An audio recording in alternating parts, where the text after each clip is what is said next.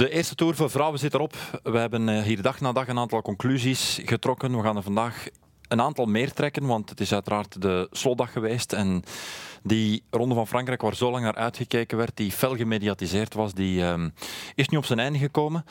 Uh, Ine, om te beginnen, laten we maar over de gele trui praten. Annemiek van Vleuten, de voorspelde winnares. Ik denk niet dat er iemand Annemiek van Vleuten op voorhand niet helemaal bovenaan had gezet. En tegelijkertijd ook, want je zou kunnen zeggen, dat is dan misschien een beetje saai. En toch denk ik voor zijn eerste editie de gedroomde winnares. Ja, denk ik wel. Voorspelde winnares, zeer zeker. Hè.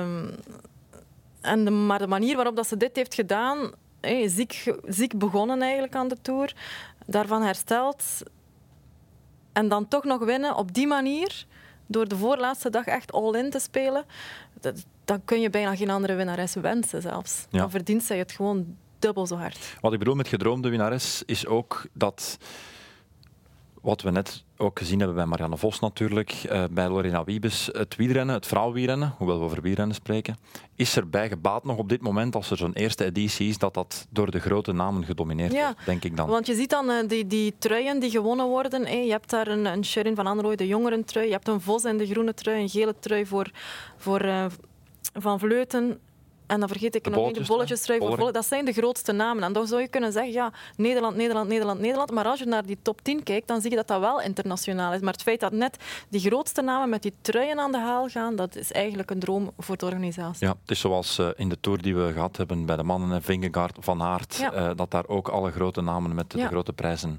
gaan lopen. Uh, wat natuurlijk wel goed zou zijn, is dat dit geen jaren blijft duren. Hè?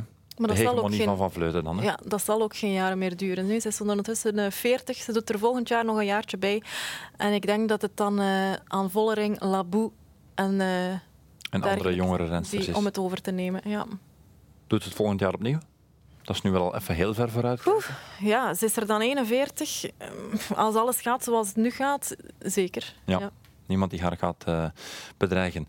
Uh, ja, heeft uh, vandaag in de slotrit ik zal zeggen, iets minder indrukwekkend dan gisteren. Maar ja, dat is ook niet moeilijk, want gisteren was ongelooflijk indrukwekkend. Mhm. Je mag er ook niet alle dagen van verwachten. Nee, we hadden, ook natuurlijk een veel langere aanloop uh, vandaag. Het peloton is veel langer gesloten gebleven. Misschien hadden we daar net iets meer verwacht van, van een trek bijvoorbeeld, die daar een beetje... Eh, ik had bijvoorbeeld verwacht dat vandaag uh, trek iemand ging meesturen om dan bijvoorbeeld als een Van Dijk, om over die eerste call te geraken en dan nog iets te kunnen doen voor, voor Longoborghini. Maar opnieuw, ja, trek is hier eigenlijk... Deze Tour gaan ze met lege handen naar huis. Ja.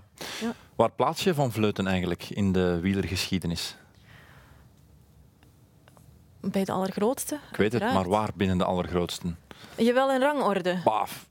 Vos zetten we op één? Vos zetten we op één. Van Vleuten. Maar ja, ik vergelijk je dat met zoveel jaar geleden. Dat is moeilijk natuurlijk. Ja, natuurlijk. Dit is gewoon een, dit is een andere wielrennen. Dit is een andere vrouwenwielrennen. Ik vind dat, dat heel moeilijk Plaats je ze boven Van de Breggen? Hmm. Ze heeft natuurlijk de eerste Tour gewonnen en dan heb je natuurlijk twee streepjes voor. Maar ja, zou jij ze boven Van der Breggen plaatsen? Ja, dat is moeilijk. Ja. Van der Breggen heeft, wat is het, uh, zes, zeven keer op de Waalse Pijl gewonnen en Luik Bastenaken Luik en ook de Ronde van Vlaanderen en Olympisch kampioen geworden en wereldkampioen geworden. Dus, plaats dus, er boven zal, ik, ik, plaats hen op gelijke hoogte, ah, denk ik. Ja. Goeie, goeie deal. Goeie ja, deal. Maar Vos zit ik er wel boven. Ja, ik ook. Okay. Omdat ze ook gewoon de, de, de, twee, wiel, de twee vrouwen wielrennen zeg maar, heeft meegemaakt. Ze heeft echt die evolutie gezien en ze was en pionier in het vrouwenwielrennen 1.0 zeg maar, en in het vrouwenwielrennen 2.0. Ja, vooral duidelijkheid. Uh, van Moorsel, uh, Longo en anderen nemen we nu even niet mee in die beschouwing, omdat nee. dat toch een totaal andere periode was en een andere manier van koersen ook. Um, maar één Vos, twee Van der Breggen en Van Vleuten. Ja. Uh, conclusie 2. En dat heeft er een stukje mee te maken. Uh, hoe de wedstrijd verlopen is, deze eerste ronde van Frankrijk. Uh, hoe het evolueerde dag na dag. Het gedroomde scenario? Ja, en dan denk ik dat vooral kijken is naar het parcours. Hoe was dat parcours opgebouwd? En dat heeft natuurlijk veel... Veel in de hand gezet. Hè. Er was voor ieder wat wils, dat wel. En dat zorgde er wel voor dat je elke dag andere potentiële winnaressen had. En dat was wel mooi aan deze Tour, vond ik. Je had een Wiebes, eh, je had echt de vlakke sprinten waarop Wiebes kon, kon winnen. Je had ook de, de, de meer explosieve sprinten voor Vos. Je had eh, Cecilio Troep, Ludwig die daar bergop sprinten. Dus er was elke dag wel iets anders. En dat maakte deze Tour ook aantrekkelijk om het te kijken. Ja. ja. En we hebben ook kunnen wachten of hebben ook spanning gehad tot in het slotweekend door die bergrit en daar Ja. pas te plaatsen. Ehm, nummer drie, dus een vrij korte eh, conclusie die nummer twee. Nummer drie, ook op voorhand eh, voorspeld wat we hadden gezegd. Ehm, de kleintjes, de rensters van de tweede rij, de pannenkoeken, maar dat zijn geen pannenkoeken natuurlijk, maar goed, de rensters van de tweede rij, ehm, geen kans om een etappe te winnen. Nee, dat hadden we vooraf ook gedacht. Hè, dat de rensters van de tweede rij, laten we ze zo noemen, hier niet, dat het moeilijk zou zijn. We hebben, ze ook, we hebben ook niet heel vaak gezien dat er een, een lange ontsnapping en een vrijgeleide kreeg. Dat heeft natuurlijk ook te maken, we hebben het al gezet, met het feit dat die rensters maar met zes in de ploeg zitten en niet met zeven of met acht, zoals bij de mannen. Dus er wordt eh, anders gekoerst. Ehm, en dat werkt ook in de hand dat die rensters geen, geen, of minder kansen krijgen. Hè. Ja, ik denk dat het ook eh, de volgende jaren nog altijd zo zal zijn. Waarschijnlijk. Zolang er maar acht ritten zijn, Mhm. zijn er relatief te weinig ritten en te veel goede rensters die een rit willen winnen. Ja. En er is niet eentje kunnen weggeven Nee, tussen. Nee, als je drie weken tour hebt, dan kan dat wel al eens gebeuren natuurlijk. Maar als je maar acht dagen hebt, dan, dan willen al die toppers een, een graantje meepikken, uiteraard. Ja. Vier, en daar zullen we iets uitgebreider op ingaan, denk ik. Ehm, streng, maar rechtvaardig. De Tour van de Belgen niet gebuist, maar veel meer kunnen we er ook niet over zeggen.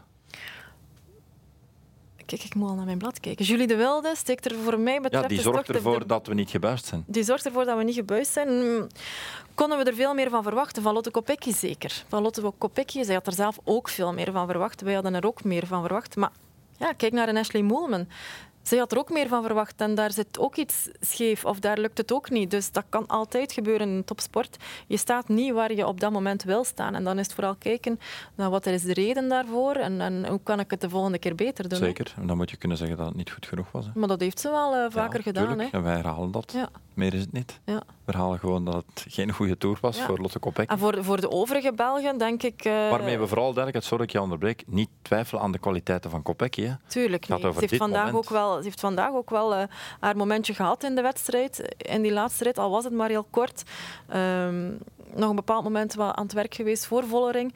Eh, maar ja, voor haar was het ook een beetje overleven hè, die laatste dagen. Ehm, en de andere Belgen, om daar nog even op te focussen, Mm. denk ik dat we van hen ook niet, niet veel meer mochten verwachten hoor. Nee, nee, ik denk dat we wel in onze voorbeschouwing gedacht hadden of gehoopt hadden dat er misschien eens een landgenote mee ging gaan in een vlucht Ja. die tot aan de streep zou Mhm. gedragen hebben. Dat is niet gebeurd. Maar dat is niet gebeurd. We hebben bijvoorbeeld wel Sanne Kant veel zien werken voor Julie de Wilde, vind ik dan. Eh, de vrouwen van Planturpura hebben daar, daar toch wel goed omringd de dagen dat ze de jongerentrui had. Eh, dus dat is ook benoemenswa- benoemenswaardig. hè. Wat geven we dan voor de Tour van de Belgen? 6 op 10? 6,5. Allee, dat is goed. 6,5 op 10. Ja, dat is goed, 6,5 op 10. Er is ruimte voor verbetering, met andere woorden.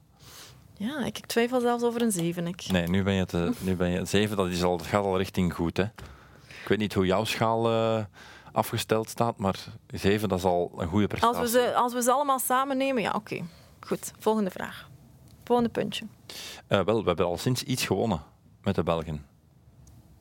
De Rode Lantaarn. Team de Baat heeft de Rode Lantaarn uiteindelijk binnengehaald. 109e op een uur 54.06. Dubbel chapeau voor Kim de Baat. Niet vergeten, zij ging hier normaal gezien niet aan de start staan. Hè. Ze heeft eh, net haar sleutelbeen gebroken naar aanloop van deze Tour de France. Dus Ja. eigenlijk eh, chapeau dat ze enerzijds klaargeraakt is om hier te starten. Enorm hard afgezien, heeft totaal niet de voorbereiding gehad die ze wilde. En toch uitgereden in die Belgische trui.